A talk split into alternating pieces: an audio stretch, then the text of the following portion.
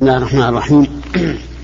الحمد لله رب العالمين وصلى الله وسلم على نبينا محمد وعلى آله وأصحابه ومن تبعهم بإحسان إلى يوم الدين. أما بعد فهذا هو اللقاء الأخير في شهر صفر عام أربعة عشر وأربعمائة وألف.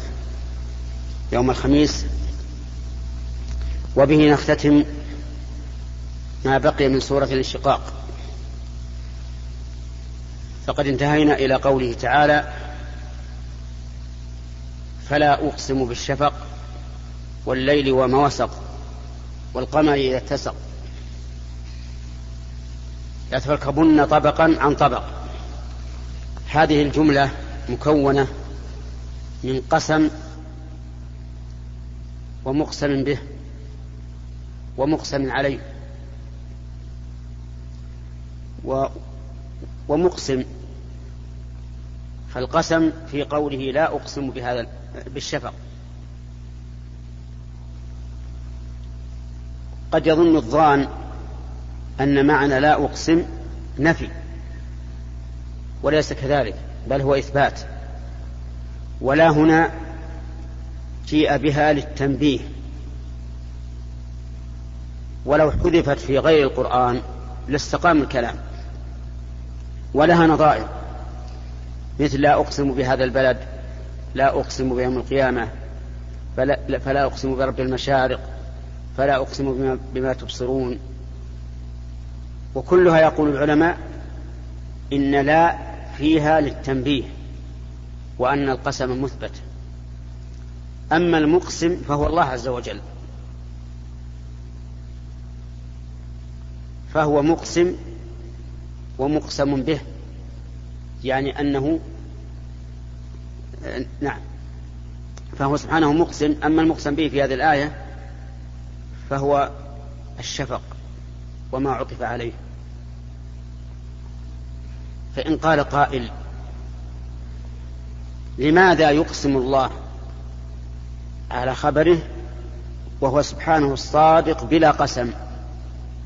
وكذلك يقسم النبي صلى الله عليه وآله وسلم على خبره وهو صادق بلا قسم. قلنا إن القسم يؤكد الكلام. والقرآن العربي نزل باللسان العربي. وإذا كان من عادتهم أنهم يؤكدون الكلام بالقسم صار هذا الأسلوب جاريا على اللسان العربي الذي نزل به القرآن.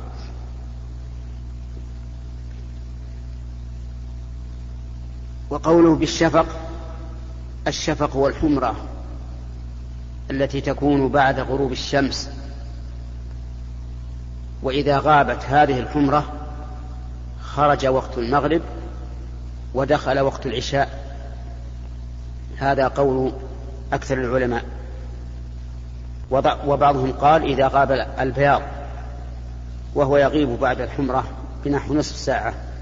لكن الذي عليه الجمهور ويقال إن أبا حنيفة رحمه الله رجع إليه هو أن الشفق هو الحمرة. وإذا غاب هذا الشفق فإنه يدخل وقت العشاء ويخرج وقت المغرب. والليل وما وسق. هذا أيضا مقسم به معطوف على الشفق. يعني وأقسم بالليل وما وسق. وهذان قسمان. الليل وما وسق. فما هو الليل معروف. فما معنى ما وسق؟ أي ما جمع. لأن الليل يجمع الوحوش والهوام وما أشبه ذلك. تجتمع وتخرج تبرز من جحورها وبيوتها. وكذلك ربما يشير إلى اجتماع الناس بعضهم إلى بعض. والقمر إذا اتسق. قمر معروف.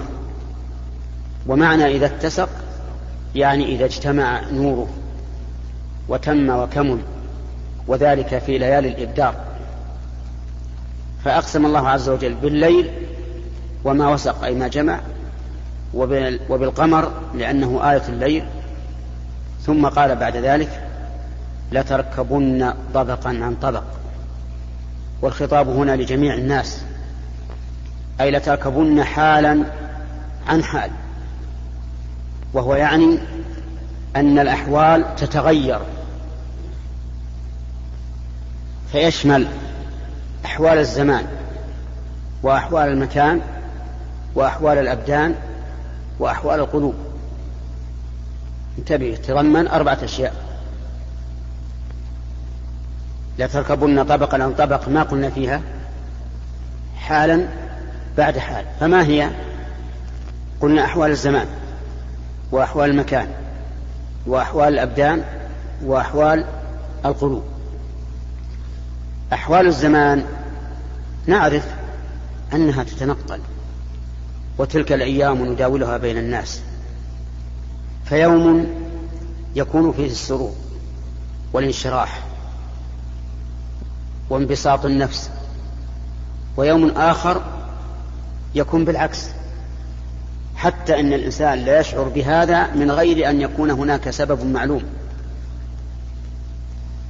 وفي هذا يقول الشاعر ويوم علينا ويوم لنا ويوم نساء ويوم نسر وهذا شيء يعرفه منا كل واحد بنفسه. تصبح اليوم مستانس فرح مسرور. في اليوم الثاني بالعكس بدون سبب. لكن هكذا لابد أن الإنسان يركب طبقا عن طبق. كذلك في الأمكنة ينزل الإنسان هذا اليوم منزلا وفي اليوم التالي منزلا آخر وثالثا ورابعا إلى أن تنتهي به المنازل في الآخرة. وما قبل الآخرة؟ وهو تعال هنا. ما قبل الآخرة؟ وهو القبور. هي منازل مؤقتة. اقربوا أنتم علشان يصير متسع. اقربوا اقربوا أيضا إلى هذا إلى هذا. اقرب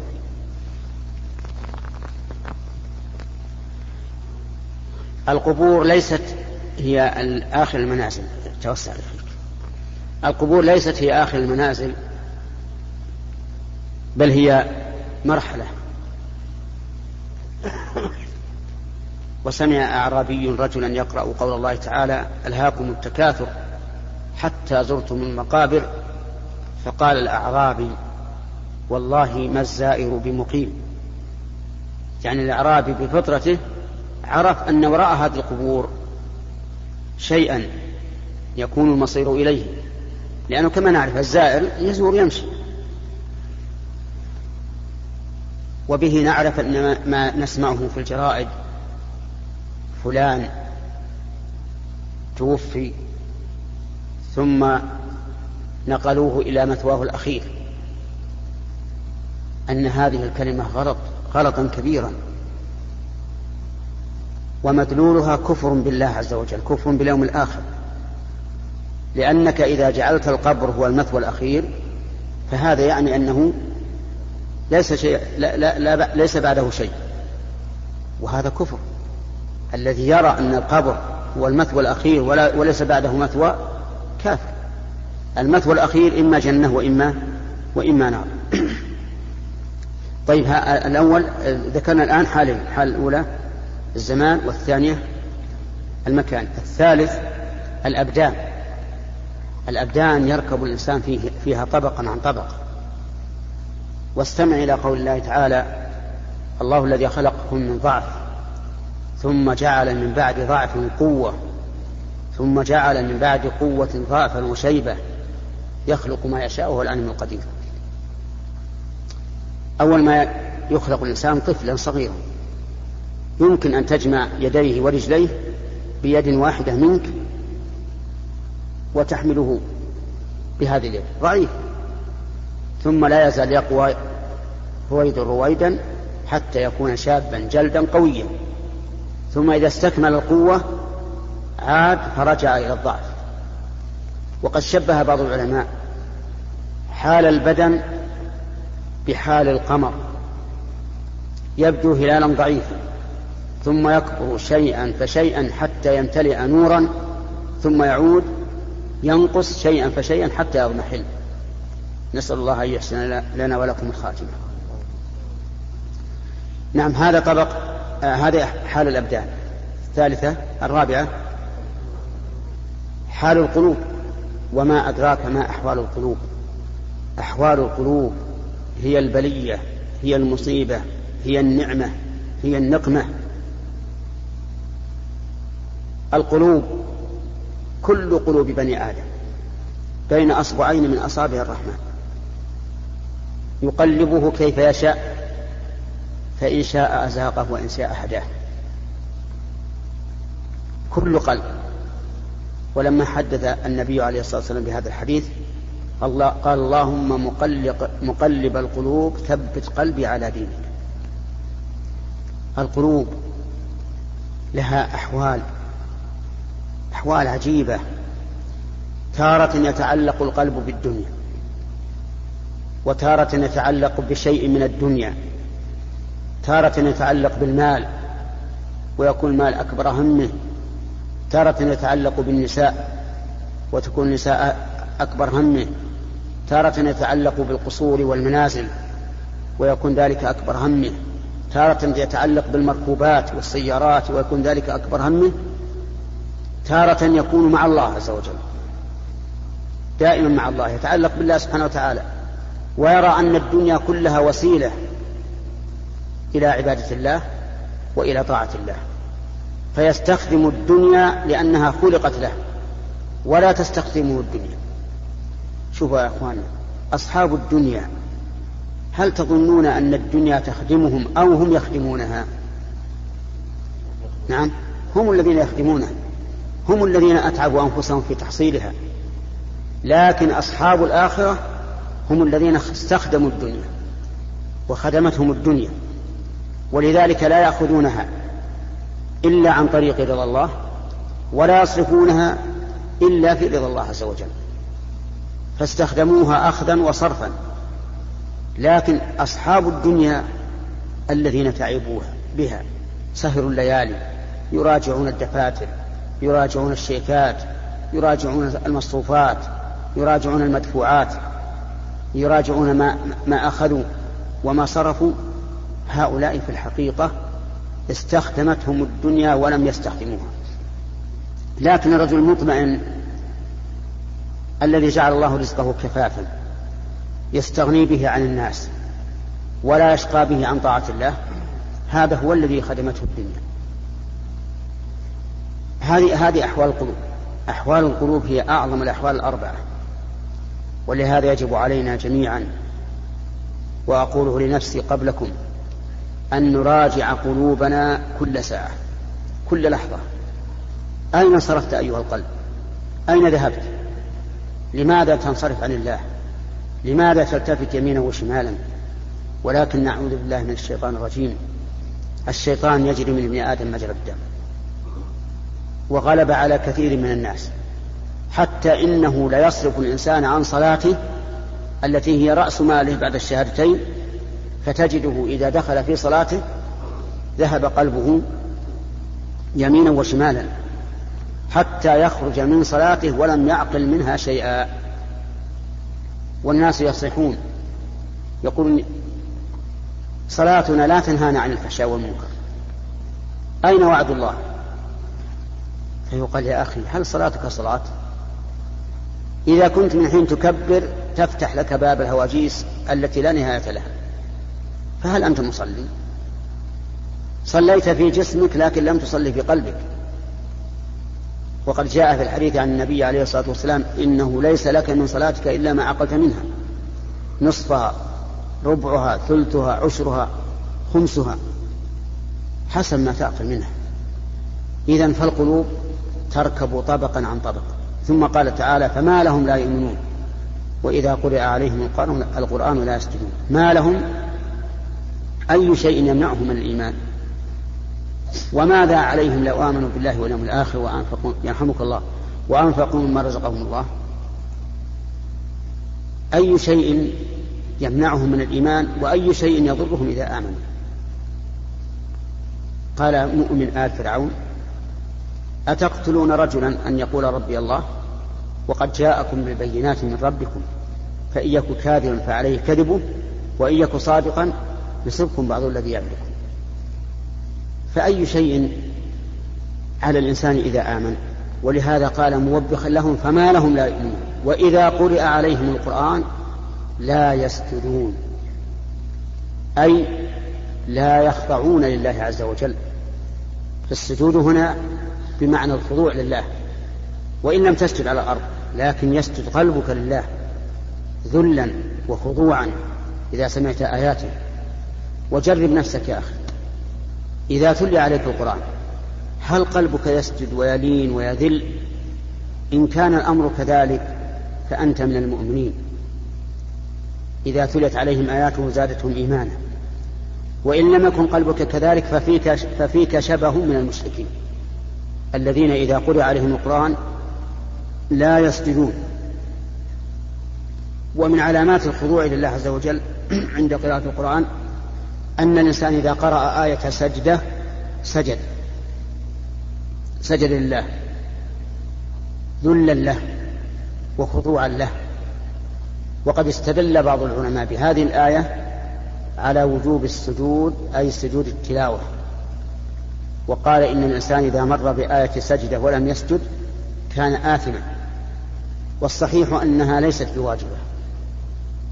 وإن كان هذا القول أعني القول بالوجوب هو مذهب أبي حنيفة واختيار شيخ الإسلام ابن تيمية رحمه الله لكن هذا قول مرجوح. وذلك أنه ثبت في الصحيح عن أمير المؤمنين عمر, عمر بن الخطاب رضي الله عنه أنه خطب الناس يوما فقرأ سورة النحل. فلما وصل آية السجدة نزل من المنبر فسجد. ثم قرأها من الجمعة الثانية فمر بها ولم يسجد. فقال رضي الله عنه إن الله لم يفرض علينا السجود إلا أن نشاء وكان ذلك بمحضر من الصحابة ولم ينكر عليه أحد. وسنته رضي الله عنه من السنن التي أمرنا باتباعها. وعلى هذا فالقول الراجح أن سجود التلاوة ليس بواجب لكنه سنة مؤكدة. فإذا مررت بآية سجدة فاسجد في أي وقت كنت في الصباح في المساء في, في الليل في النهار.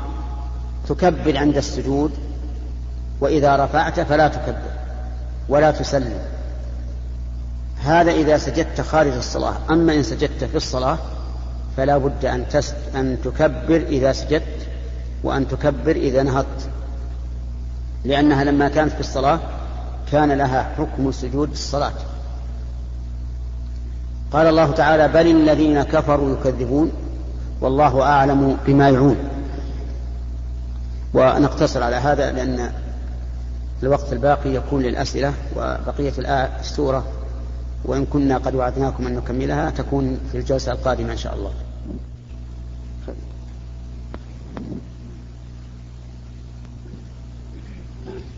بالنسبة يا شيخ مسألة العزاء توسع الناس فيها.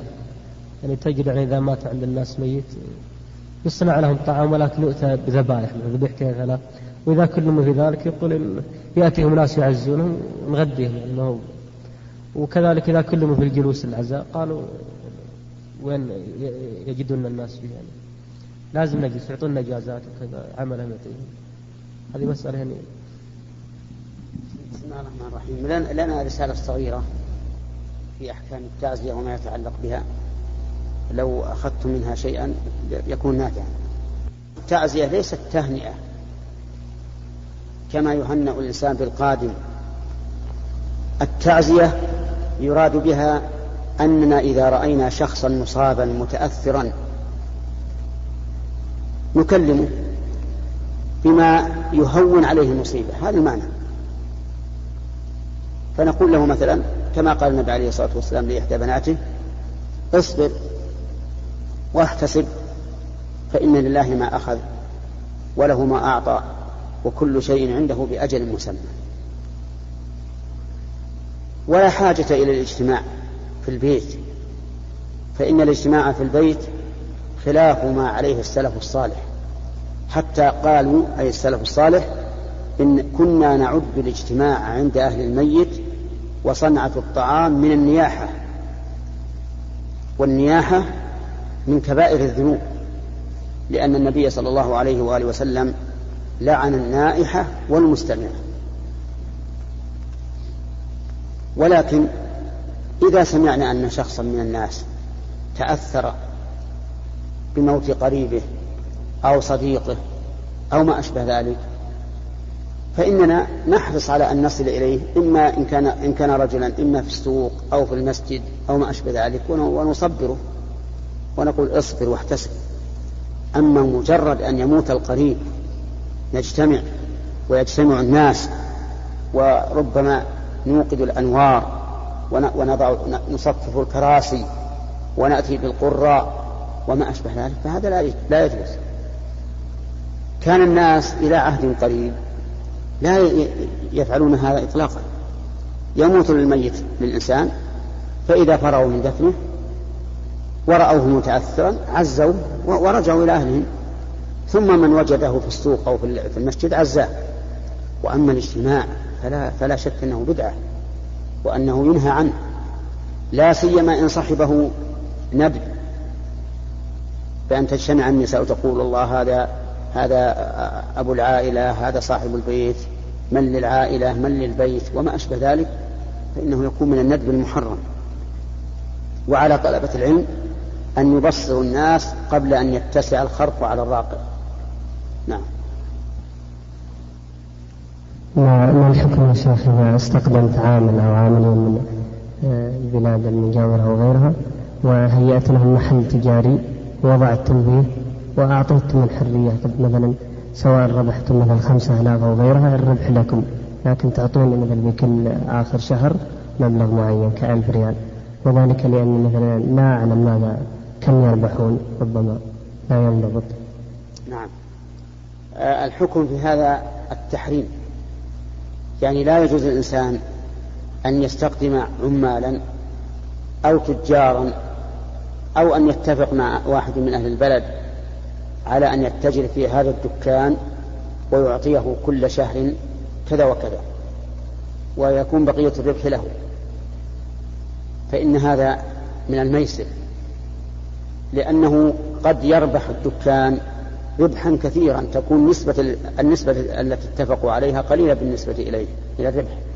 وقد لا يربح إلا قليلا فتكون نسبة كثيرة. وقد لا يربح شيئا أبدا وقد يخسر. فهذا العقد متضمن للقاعدة الميسرية وهي إما غانم وإما غارم فلا يحل ولا يجوز. وقد قال رافع بن خديج رضي الله عنه كان الناس يواجرون على الماديانات وأقبال الجداول وأشياء من الزرع. يعني يقول لك هذا ولي هذا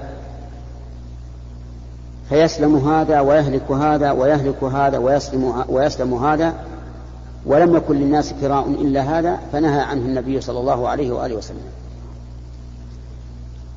وإذا كان العامل أجنبيا ازداد الشر لأن الحكومة لا تسمح بهذا ولا توافق عليه. ونظام الحكومة إذا لم يكن مخالفا للشرع واجب الاتباع لأن اتباعه من طاعة الله ورسوله. قال الله تعالى يا أيها الذين آمنوا أطيعوا الله وأطيعوا الرسول وأولي الأمر منكم. ويظن بعض الجهال القليل العلم الضعيف الإيمان أن الحكومة لا تطاع إلا فيما أمر الله به. وهذا ظن فاسد لأن ما أمر الله به يجب علينا فعله إذا كان واجبا سواء أمرت به الحكومة أو لا. ولأننا لو قلنا إن الحكومة لا تطاع إلا فيما أمر الله به لقلنا لا فرق بينها وبين الناس. كل إنسان يأمرك بما أمر الله به فهو واجب. الاتباع إذا كان قد أوجب الله ذلك. لكن ولي الأمر له شأن خاص. فولي الأمر إن أمرك بما أمرك الله به صار فعلك واجبا من وجهين من جهة أمر الله ومن جهة أمر ولي الأمر. وإن أمرك بمحرم فلا تطعه لأنه لا طاعة لمخلوق في معصية الخالق. وإن أمرك بشيء ليس مأمورا به ولا منهي عنه فأطعه. وهذا هو الفرق بين ولي الأمر وبين سائر الناس. سائر الناس إذا أمروك بشيء فأنت بالخيار إذا لم يكن قد أمر الله به. وأما ولي الأمر فيجب أن تطيعه. إلا في المعصية. فإذا قال ولي الأمر لا نسمح لأي واحد من المواطنين أن يسلم أحدا من من غير المواطنين محلا تجاريا يتجر فيه وجب علينا أن نكف عن هذا. ولا يحل لنا أن نخالف النظام.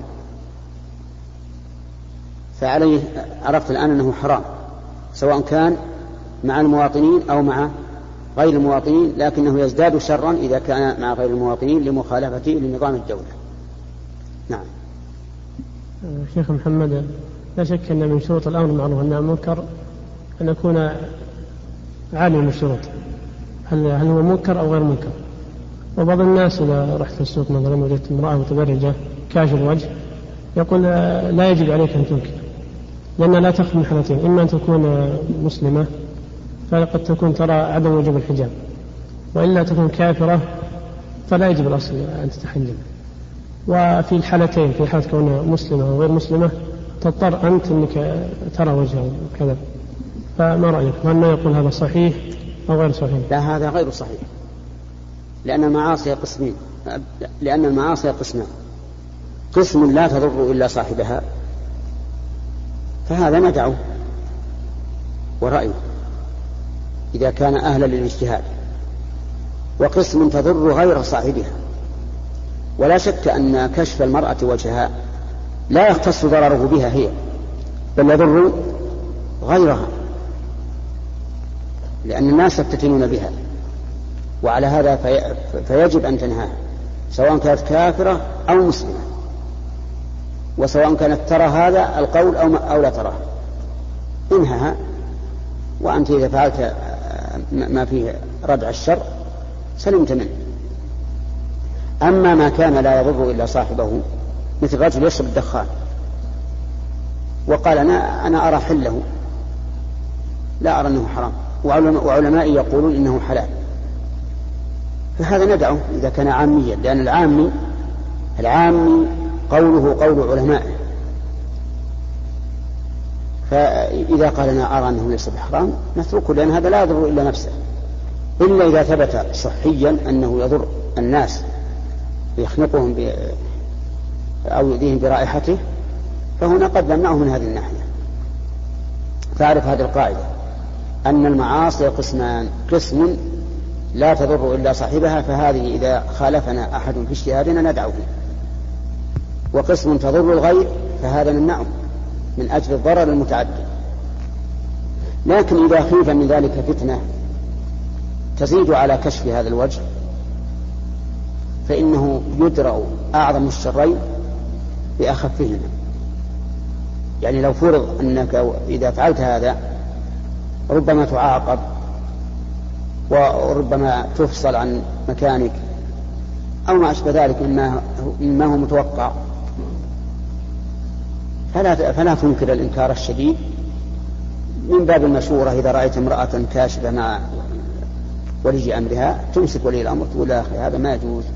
هذا حرام هذا يضر أهلك ويضر غيرهم أيضا بالتي هي أحسن باللين لا تتكلم عن المرأة نفسها لأن قد يكون في هذا ضرر عليك أنت أكثر. نعم. إذا مات الميت يأتون آه، بسيارة وعليهم مكبر صوت ويطوفون في القرى ويقولون توفي إلى رحمة الله فلان الفلاني. نعم. ويعدون مكانا يستقبلون فيه الناس ويصنعون لهم الطعام ويأتون بالمقرئ يقرأ فما حكم هذه الأشياء؟ وهل الميت يستفاد من قراءة هذا المقرئ على أنه يأخذ أجرا على قراءته؟ نعم. هذا محرم من عدة وجوه. أولا أنه من من النعي الذي نهى النبي صلى الله عليه وسلم عنه. فإن النبي صلى الله عليه وسلم كان ينهى عن النعي. وهو الإخبار بموت الميت. إلا إذا كان الميت لم يدفن وأخبرنا بموته من أجل كثرة المصلين عليه فإنه قد ثبت أن النبي صلى الله عليه وسلم نهى النجاشي في اليوم الذي مات فيه وأمر الناس فخرجوا فصلوا عليه صلوا عليه. ثانيا أن هذا العمل من عمل الجاهلية وقد نهينا عن التشبه بهم.